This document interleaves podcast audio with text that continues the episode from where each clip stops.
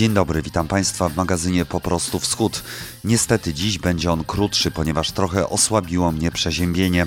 W związku z tym tylko dwa tematy. Szczyt Ukraina-Unia Europejska. Jego wyniki mogą mieć wpływ na nas wszystkich, a szczególnie tych, którzy chętnie jeżdżą do naszego wschodniego sąsiada, oraz Białoruś i kryzys migracyjny.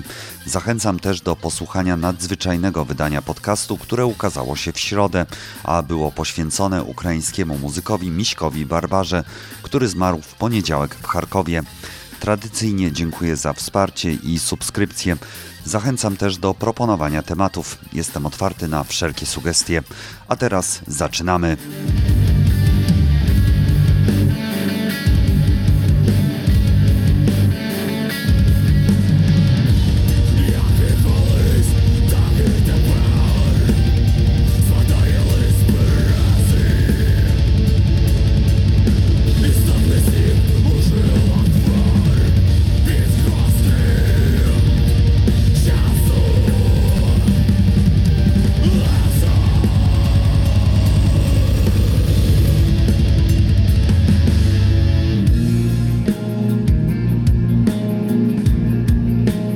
Kijowie odbył się w tym tygodniu 23. szczyt Ukraina-Unia Europejska. O jego ustaleniach porozmawiam z Krzysztofem Nieczyporem z Ośrodka Studiów Wschodnich. Dzień dobry. Dzień dobry, kłaniam się. Czy możemy mówić o jakichś konkretnych decyzjach szczytu, ustaleniach? Czy to raczej było takie spotkanie dla spotkania? Bo kiedy ja czytałem te informacje o szczycie, miałem wrażenie, że to były takie, no właściwie same deklaracje, takie same deklaracje jak zawsze. Nie do końca zgodziłbym się y, z taką opinią, ale musimy sobie na początek powiedzieć, y, z czym, y, z czym Kijów przyszedł na to spotkanie. No i przede wszystkim, czy możliwa była realizacja postulatów ukraińskich które były formułowane przez, przez władze, przez władze w, w Kijowie.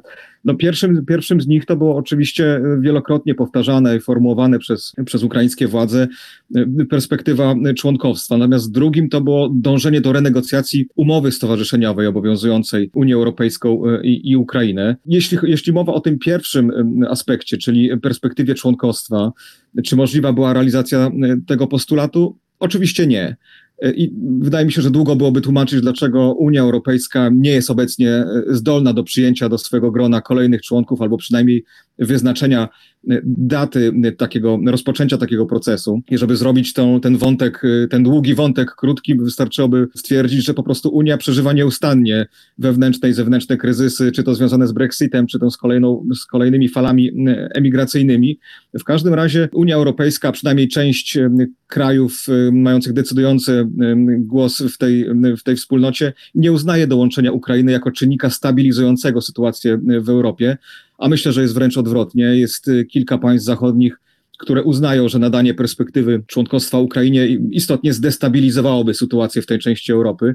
Oczywiście głównie za sprawą spodziewanej, bardzo negatywnej reakcji Federacji Rosyjskiej. Już pomijam też kwestie związane z samą zdolnością wspólnoty do przyjęcia tak dużego kraju jak Ukraina, z wieloma, jak wiemy, problemami wewnętrznymi. W każdym razie, z faktu, że Bruksela nie będzie w najbliższym czasie w stanie nadać tej perspektywy Ukrainie, zdają sobie wszyscy sprawę, w tym ukraińscy politycy, i dlatego ten postulat formułowany osobiście przez Włodymyra Załęskiego, ale również przez jego otoczenie, z góry był skazany na, po, na porażkę. I wydaje mi się, że ukraińskie władze, świadome tego faktu, grają w grę powyżej swoich możliwości, to znaczy przelicytowują swój realny status akurat w, tej, w, tym, akce, w tym aspekcie negocjacji unijno-ukraińskich. No tak, ale, ale ja rozumiem, że tutaj chodzi o to, że po prostu no, ukraińskie władze też muszą pokazać, tak, że one się o coś starają, że one chcą, że one dążą do tego przede wszystkim chyba dla własnego elektoratu. Zgadza się. Zresztą y, prezydent Załęski na niedawnym E, zjeździe swojej partii Sługa Narodu, który odbył się dwa tygodnie temu, nazwał tę właśnie politykę uporczywego upominania się o, o, o miejsce Ukrainy w Europie, nazwał ją polityką zuchwałą, tłumacząc, że Ukraina nie ma czasu na zbyt wyszukaną formę dyplomacji i czekanie na pojawienie się takiej odpowiedniej koniunktury międzynarodowej, takiego geopolitycznego okna możliwości, no po prostu Ukraina nie ma na to, nie ma na to czasu. I ukraiński prezydent oczywiście w ten sposób e, utożsamia E, ukraińskie państwo ze swoją osobą, bo tak naprawdę to jemu się spieszy, by zdążyć przez rosnącymi oczekiwaniami ukraińskiego społeczeństwa. Zwłaszcza jeśli prawdą jest to, o czym się już od pewnego czasu mówi w Kijowie, mam na myśli rozważanie przez Zełenskiego ubiegania się o reelekcję, więc tutaj warto zaznaczyć, że, ukraińskie, że to ukraińskie społeczeństwo wymusiło na Wołodymyrze Zełenskim e, stanie się e, e, euroentuzjastą. Warto przypomnieć, że jeszcze w grudniu 2018 roku, w takim długim wywiadzie, jeszcze przed oficjalnym, przed oficjalną informacją o swoim starcie w wyborach prezydenckich, Wołodymyr Zełenski zapytany o swój stosunek do akcesji do Unii Europejskiej, on stwierdził wprost, że on nigdzie, on nigdy nie pcha się tam, gdzie nie jest zapraszany, więc w ciągu półtora roku od, od eurosceptyka, który z dosyć, dosyć dużym dystansem podchodził do kwestii członkostwa Ukrainy y, w Unii, no stał się euroentuzjastą, który nieustannie upomina się właśnie o, o członkostwo Ukrai Ukrainy we wspólnocie. Zresztą, jak sam stwierdził, Ukraina już dawno zasłużyła na, na tą perspektywę z uwagi na fakt, że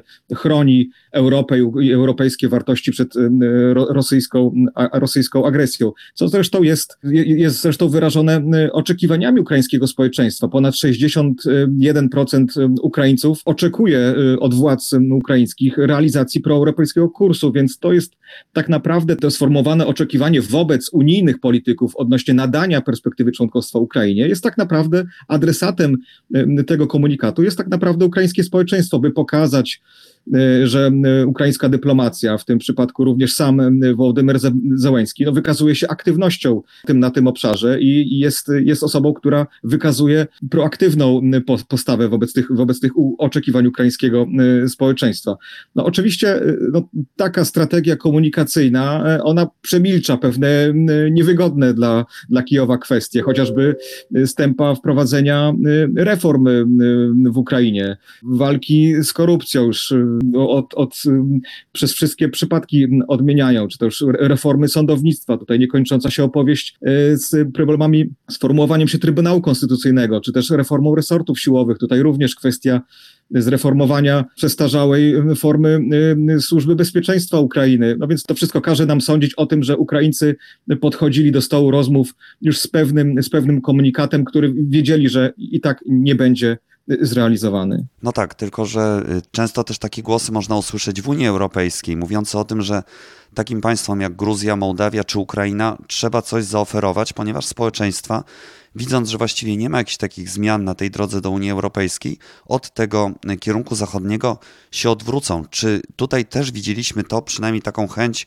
ze strony polityków unijnych, którzy przyjechali do Kijowa? To prawda. Mam wrażenie, że unijni decydenci nie biorą tego faktu pod uwagę, a e, szkoda, zwłaszcza mając w pamięci przypadek Turcji, który, która również przez długi okres czasu postulowała akcesję swojego państwa do wspólnoty europejskiej. E, no i to rzeczywiście ta zuchwała polityka ze strony, ze strony Zełęńskiego, takiego e, wręcz obcesowego domagania się członkostwa, ale, a z drugiej strony braku odpowiedzi ze strony, ze strony Unii wobec tych oczekiwań, no ona może mieć pewne negatywne skutki. Może skutkować coraz silniejszą krytyką Zachodu e, i, i rozczarowaniem współpracą z Unią wśród nie tylko ukraińskich elit politycznych, ale również E, wśród ukraińskiego e, społeczeństwa, bo może się e, okazać, że to obserwowane od pewnego czasu, od pewnego czasu znudzenie Europy Ukrainą ono zostanie uzupełnione przez analogiczny proces w Ukrainie, to znaczy znudzeniem Ukraińców ciągłym pukaniem do zamkniętych drzwi Europy. A to z kolei może skutkować, tak jak mi się wydaje, wyhamowaniem procesu reform. Z tego oto faktu, że koszty polityczne i ekonomiczne tego procesu, one będą przyjmowane przez Kijów jako niewystarczająco rekompensowane korzyściami, które sami Ukraińcy będą, e, e, będą odczuwać, e, tak z, z pogłębioną kooperacją z, z Unią Europejską. Więc tutaj myślę, że również warto byłoby się zastanowić nad tą formą pogłębiania współpracy, chociaż jeżeli rozmawiamy o tych praktycznych skutkach, rezultatach tego szczytu, to mam wrażenie, że tam są aspekty, a mają one formę podpisanych dokumentów, które rzeczywiście odbiją się na życiu zwykłych, zwykłych obywateli Ukrainy. Mam wrażenie, że to będzie, że te, że te umowy, które zostały podpisane, podczas tego szczytu będą miały bezpośrednie, bezpośredni wpływ na mieszkańców Ukrainy, zresztą nie tylko, nie tylko Ukrainy. Tak, ale jakie to są umowy? Czy tutaj chodzi przede wszystkim o umowę o otwartym niebie, bo to zwiększy liczbę połączeń między państwami Unii Europejskiej a Ukrainy? No to jest przede wszystkim, to jest właściwie taki efekt, który widać już od razu, już mamy deklarację Wizera dotyczące właśnie zwiększenia liczby połączeń. Czy były jeszcze jakieś inne dokumenty podpisane, które też coś zmienią. Tak, ale zanim przejdę do tych y, pozostałych umów, ja myślę, że warto podkreślić y, znaczenie tej, tej umowy o wspólnej przestrzeni powietrznej. On, mam wrażenie, że, że ona ma fundamentalne znaczenie y, dla, dla rynku przewozów lotniczych na Ukrainie i, i, i w Unii Europejskiej i ona została chyba niedoceniona przez, przez zagraniczne, ale mam wrażenie również polskie ośrodki medialne. E, zresztą publicystycznie ukraińscy politycy stwierdzają, że w kwestii obszaru lotniczego to Ukraina już stała się e, członkiem Unii Europejskiej e, za sprawą właśnie przyjęcia przez Ukrainę tych wszystkich dyrektyw, rozporządzeń dotyczących utworzenia tego wspólnego obszaru lotniczego. mowa tutaj jest o kilkudziesięciu różnego rodzaju dokumentach, które stały, stały się częścią prawa ukraińskiego. One opierają się na wspólnych standardach w takich dziedzinach jak bezpieczeństwo lotnicze, ochrona lotnictwa, e, zarządzanie ruchem lotniczym, ale co, co, to, co to oznacza dla, dla zwykłych e, ludzi? Otóż dla obu stron otwierają się nowe możliwości e, w zakresie nie tylko przewozów pasażerskich, ale również towarowych, co za tym idzie zwiększenia możliwości handlowych. Przede wszystkim unijne i ukraińskie linie lotnicze będą mogły obsługiwać bezpośrednio loty pomiędzy dowolnymi miejscami, tak zarówno w Unii, jak i, jak i na Ukrainie. I wszystkie restrykcje ograniczenia dotyczące lotów pomiędzy Ukrainą a Unią zostały właśnie zniesione. Co to oznacza? Bo doty, do, dotychczas połączenia lotnicze pomiędzy danymi państwami lotniskami były zawierane pomiędzy konkretnymi liniami lotniczymi i lotniskami, które obsługiwały właśnie te kierunki. E, I często, często te umowy były, były warunkowane różnego, różnego rodzaju zapisami, które, nie, nie dopuszczały innych przewoźników do realizacji tych połączeń. No i właśnie w ten sposób blokowana była uczciwa i wolna konkurencja. No i ta umowa znosi tego rodzaju praktyki. No i tak jak, tak jak pan redaktor stwierdził, e, już e, pierwsi przewoźnicy lotniczy są więcej niż bardzo zainteresowani rynkiem, rynkiem ukraińskim, bo to nie tylko Wizer, który zapowiedział że w najbliższym miesiącu uruchomi 26 nowych połączeń z, z Ukrainą, w tym, co myślę będzie interesujące dla, dla, dla, dla polskich y, słuchaczy. Połączenie zostanie wznowione połączenie Kijowa z Katowicami, ale również Michael O'Leary, czyli właściciel Ryanaira, zapowiedział jeszcze we wrześniu kiedy były pierwsze informacje na temat podpisania tej umowy, on, po, on powiadomił, że, że jego linia lotnicza będzie podejmie agresywne kroki w zdobyciu ukraińskiego rynku lotniczego, w tym połączeń wewnętrznych. E, również Eurowings, czyli niemiecki low coaster, tak zwany low coaster, e, będzie zapowiedział również swój udział w rynku lotniczym na Ukrainie, więc tych zapowiedzi już mamy sporo, więc mam wrażenie, że rzeczywiście ta umowa będzie miała swoje praktyczne E, skutki, co zresztą e, my sami to, to, to odczujemy, zwłaszcza, dla ta, zwłaszcza takie osoby jak ja, czy pan redaktor, czy słuchacze naszego e, podcastu, którzy korzystają z walorów chociażby turystycznych Ukrainy i często podróżują do tego kraju, bo możemy się po prostu spodziewać, że koszty takich podróży istotnie się zmniejszą. Natomiast pozostałe dwie, dwie umowy, one dotyczą, one dotyczą kwestii współpracy Ukrainy z Unią w zakresie badań, w zakresie tworzenia Y, projektów kulturalnych. To jest umowa o Stowarzyszeniu Ukrainy z programem Horyzont Europa i, i, i z programem Kreatywna Europa. Te, te, dwa dokumenty, one przewidują y, udział y, ukraińskich podmiotów w programach wspierania obszaru kultury, tych projektów y, związanych z technikami audiowizualnymi. No w skrócie chodzi o to, że ukraińscy naukowcy, innowatorzy, y, wszelkie maści badacze, artyści i twórcy będą mogli uczestniczyć y, w tych programach na takich samych warunkach, jak podmioty z państw członkowskich Unii. I to też jest dobra wiadomość dla polskich jednostek naukowych, ośrodków kulturalnych, które współpracują z partnerami ukraińskimi.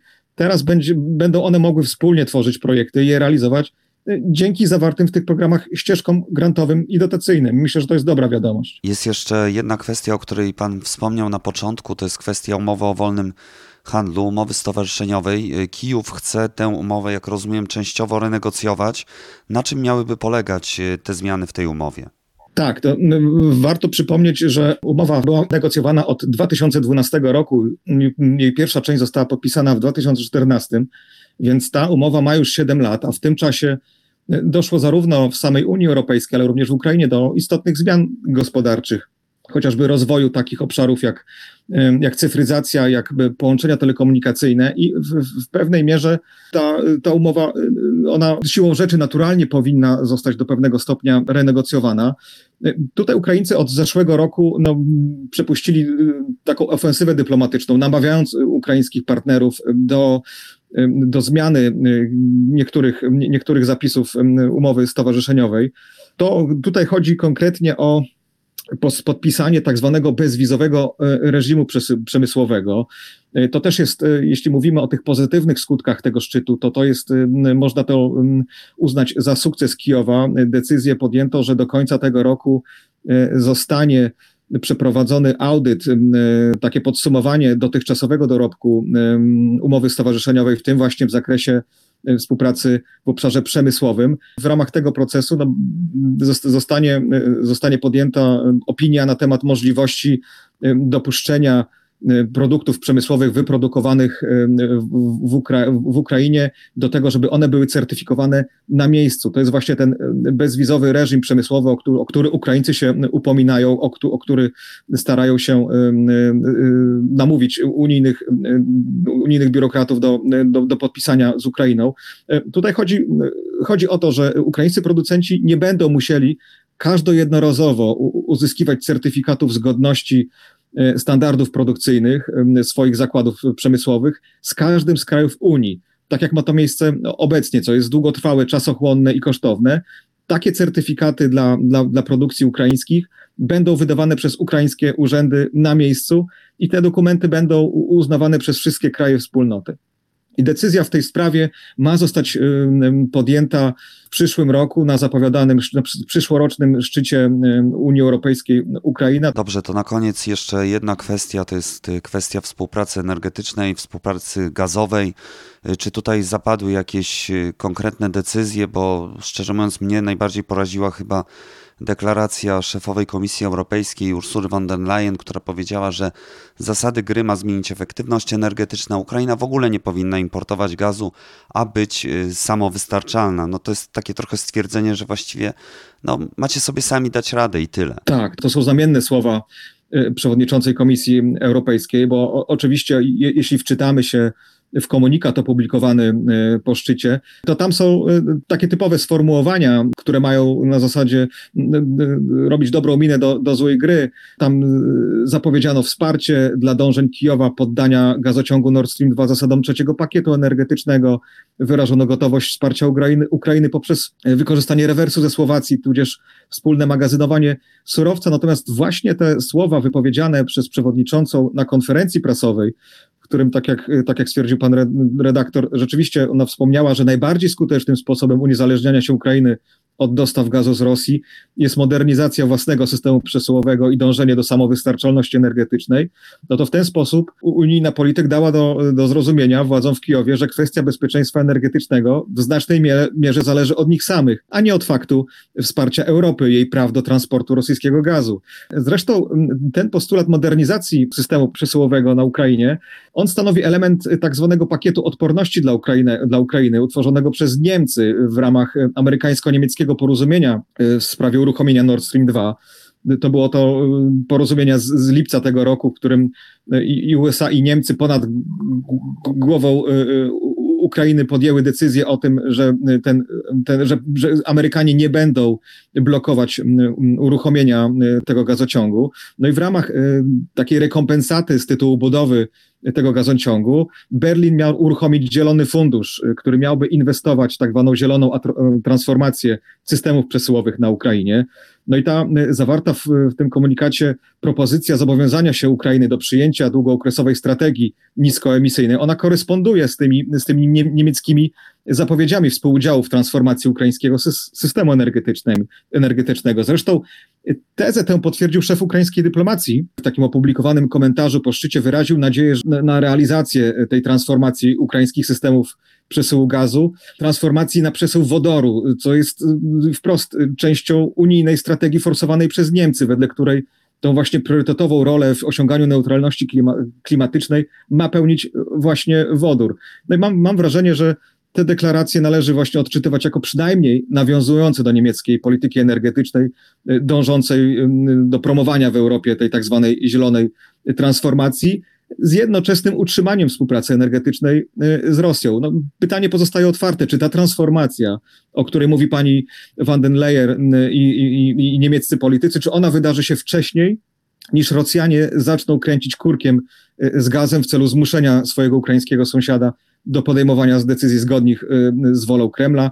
Y, ja śmiem powątpiewać w ten scenariusz. No tak, rzeczywiście już mieliśmy takie dość niepokojące deklaracje ze strony Kremla dotyczące właśnie przesyłu.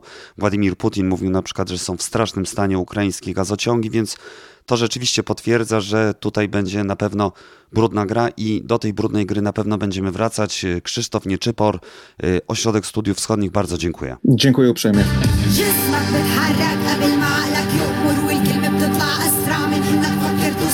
Eles moem julgar em baga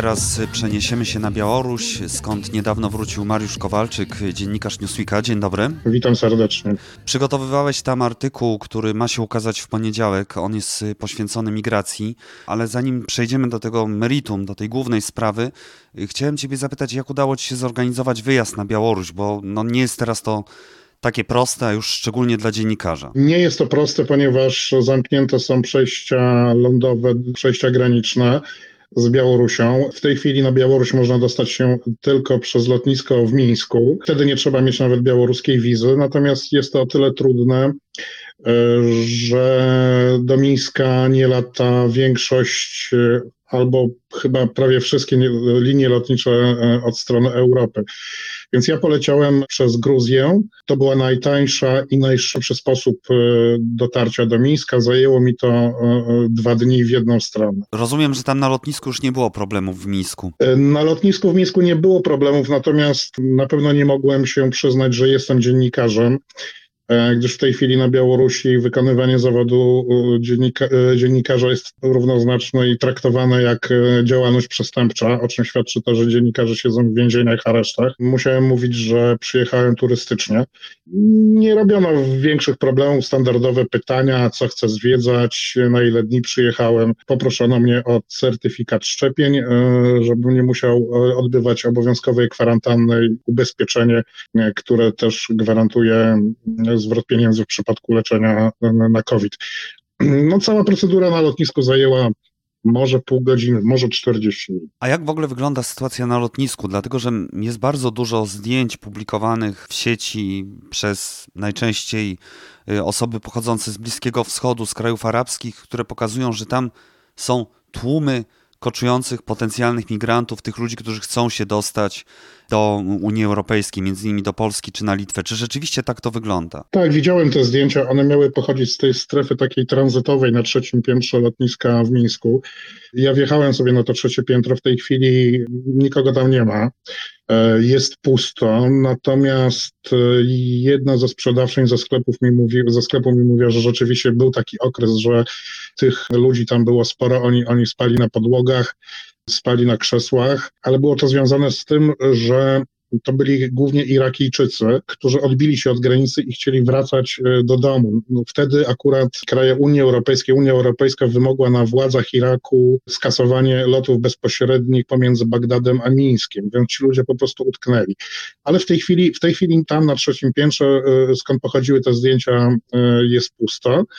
Natomiast e, w hali przylotów widać ludzi z Bliskiego Wschodu, no bo przylatuje kilka samolotów e, dziennie, między innymi z Damaszku, e, z Dubaju. Oni przylatują też samolotami z, ze Stambułu. Czy tak samo widać ich w Mińsku, bo też mamy takie doniesienia, że tych ludzi jest bardzo dużo? W samym ścisłym centrum Mińska ich nie widać, natomiast są, nazwałbym to obrzeżami centrum, miejsca, gdzie oni się zbierają, czekają na transport właśnie w stronę polskiej granicy. Siedzą na ulicy, na ziemi, na trawnikach, co jest bardzo dziwne dla Mińska, bo, bo władze Mińska nigdy nie zezwalały na takie koczowania ludzi. Ale, ale to są takie grupki po kilkanaście, po kilkadziesiąt osób. Widać, że wybierają się w drogę, bo mają plecaki, przepakowują je, mają reklamówki z jedzeniem i, i, i, i czekają po prostu na taksówki, które, które ich zabiorą w stronę polskiej granicy. Natomiast w samym ścisłym centrum, e, czy w metrze, czy na dworcu kolejowym e, tych ludzi nie widać. No ale czy my możemy powiedzieć, że ten e, cały proceder jest zorganizowany? Czy widać, że ci ludzie czekają na kogoś konkretnego, który właśnie ich tam zabierze, czy też może sami się starają dostać na przykład koleją do granicy, do Grodna czy do Brześcia? Koleją raczej nie, bo, bo, bo nie widziałem, busami również nie. Natomiast widać, że jest to proceder zorganizowany. Każdą taką grupkę, przy każdej takiej grupce jest przewodnik, e, który no, wygląda na człowieka z Bliskiego Wschodu, ale najczęściej on mówi nieźle po rosyjsku, ewentualnie po angielsku. To są prawdopodobnie ludzie z biur podróży z Bliskiego Wschodu. E, często podchodzą do nich e, ludzie no, o, o, o, takim europejskim wyglądzie, którzy rozmawiają z nimi po rosyjsku no, ale oni wyglądają e, ewidentnie na, na, na funkcjonariuszy służb białoruskich. No i oni sobie razem tam kooperują, e, właśnie starają się znaleźć taksówki, znaleźć transport e, dla tych ludzi, którzy, którzy czekają na trawnikach, żeby się dostać w, w okolice polskiej granicy. Byłeś też przy polskiej granicy, między innymi w Grodnie. Jak tam wygląda sytuacja? Czy też ci ludzie są widoczni? W Grodnie tych ludzi nie widać. Było ich widać, jak opowiadał mi kolega, jeszcze tydzień temu. Natomiast oni tam są, gdyż w tej chwili znalezienie wolnego miejsca w hotelu w Grodnie, których kilka jest, ale bardzo popularne jest tam też wynajmowanie mieszkań i nigdy nie było z tym problemu, bo, bo, bo tych mieszkań na wynajem jest bardzo dużo w Grodnie. E, no w tej chwili, kiedy, gdy tam dzwoniłem, obdzwoniłem chyba najpierw 10 e, miejsc, nigdzie nie było, wszystkie były zajęte. W samym Grodnie właśnie już ich nie widać. Słyszałem, że podobno przyszła dyrektywa taka, że, że, że oni mają być niewidoczni, gdyż e, mieszkańcy Grodna zaczynali się niepokoić, bo nigdy wcześniej nie widzieli, prawda, ludzi gdzieś tam koczujących z, jakim, koczujących z jakimiś plecakami, którzy się po prostu wałęsają, y, wałęsają po mieście, którzy, którzy mają śniadą cerę. E, to podobno źle wpływało na, na, na mieszkańców Grodna i oni się nie, niepokoili, więc w tej chwili w Grodnie nie widać e, uchodźców. Przynajmniej ja nie widziałem. Y, jeszcze takie pytanie, czy to są ludzie, tych, których widziałeś w Mińsku, czy to są mężczyźni, kobiety, dzieci, jak oni wyglądają, czy wyglądają na bardzo ubogich, czy może wręcz przeciwnie? Jest sporo samotnych mężczyzn, ale też jest e, dużo całych rodzin e, z małymi dziećmi i to takimi jeszcze mniejszymi niż te, które oglądaliśmy w Michałowie, e, które mm, zostały znowu prawdopodobnie e, wyrzucone do lasu na granicy. Dzieci po dwa, trzy lata, ale widziałem też takie niemowlaki, które matki e, kołysały na rękach. Często są też widać, że są babcie, które się opiekują tymi, tymi, tymi dziećmi. Jak oni wyglądają? Różnie, ale najwięcej jest takich, którzy wyglądają normalnie. Są, mają normalne ubrania, jakieś puchowe kurtki, prawda, dżinsy, E, no kobiety oczywiście są ubrane zgodnie z zasadami e, religii muzułmańskiej, czyli mają hijab na głowie, jakieś chusty, które przykrywają włosy, szyję, e, długie, długie płaszcze. To, co ich wyróżnia, to duża liczba różnych pakunków, plecaków, walizek, e, reklamówek. Oni jeszcze robią tam takie zakupy chyba ostatnio przed podróżą e, w pobliskiej Galerii Mińsk. To jest taka duża galeria handlowa i tam zauważyłem, że szczególnie, szczególnie dużo ich tam zauważyłem w sklepach spożywczych, gdzie właśnie kupują jedzenie. Także oprócz tego, oprócz śniadej karnacji, oni się nie, nie wyróżniają jakoś specjalnie, nie wiem, żeby wyglądać, że są strasznie biedni, chociaż niektórzy, nie, po widać, że, że to nie są ludzie bogaci, nie są to jakieś markowe stroje na nich, nie widziałem jakichś drogich po prostu ubrań takie, takie grupy no, przeciętnych osób. A czy ty z nimi rozmawiałeś? Czy oni wiedzą, co się dzieje na granicy, z jakimi problemami się mogą y, spotkać i przede wszystkim co mówią, co im obiecano, jak ta podróż będzie wyglądać? Udało mi się porozmawiać, natomiast kontakt jest bardzo utrudniony, bo gdy się do nich podchodzi, to właśnie ci ich opiekunowie od razu też podchodzą i miną oczami i wszystkim, czym tylko mogą, dają znać, że, żeby lepiej nie rozmawiać. Natomiast oni są kompletnie zdezorientowani. Na przykład w punkcie, gdzie kupują karty SIM e, do telefonów, e, pytają, czy te karty też e, będą działały w Polsce. Wydaje im się, że oni są już tak naprawdę na ostatniej prostej. E, Białoruś i Polska to już tam w zasadzie nie ma żadnej granicy, właśnie karty SIM działają w obu krajach. Tak im się wydaje. Gdy z jednym porozmawiałem, powiedziałem, żeby uważali bardzo na siebie, bo granica jest zamknięta, to może być śmiertelna pułapka. Byli bardzo zdziwieni pytali, co robić, i w końcu sami doszli do wniosku, że wolą jednak e, już chyba jednak do tej, na tą granicę jechać, bo, bo jak jeden e, z tych ludzi stwierdził, e, do Iraku nie będzie wracał, bo tam wszyscy są szaleni i, i zwariowali. Ale jest w ostatnich dniach parę takich informacji się pojawiło właśnie z Białorusi, które by świadczyły o tym, że reżim powoli chce się tych y, ludzi pozbyć i to nie pozbyć się w kierunku zachodu, a chyba z powrotem, dlatego że y, mamy informacje o zatrzymaniu grupy migrantów w Grodnie, y, w jednym z hosteli. I mamy też drugą informację o tym, że mają być, ma być wstrzymane wydawanie wiz białoruskich na lotnisku w Mińsku dla obywateli kilku krajów właśnie z Bliskiego Wschodu. O czym to może świadczyć? Czy to świadczy o tym, że jakby już ta zdolność, pojemność Białorusi się wyczerpała i jednak nie poszło to tak łatwo, jak y, Łukaszenka przypuszczał? Z moich rozmów z ludźmi w Mińsku wynika, że właśnie tak, że y, władze białoruskie starają się regulować ten ruch w ten sposób, że ilu, ilu osobom uda się przejść przez granicę polsko-białoruską, to starają się regulować ten ruch, wysyłając właśnie mniej więcej tę samą liczbę, y, liczbę osób y, na granicę. Ostatnio lądowały tam samoloty prawie z całego, z całego Bliskiego Wschodu. Naprawdę tych ludzi dowieziono dużo jak byłem w takim dużym hotelu Planeta, to taki stary, jeszcze postkomunistyczny hotel Moloch, ten e, hotel był e, zapchany tymi ludźmi.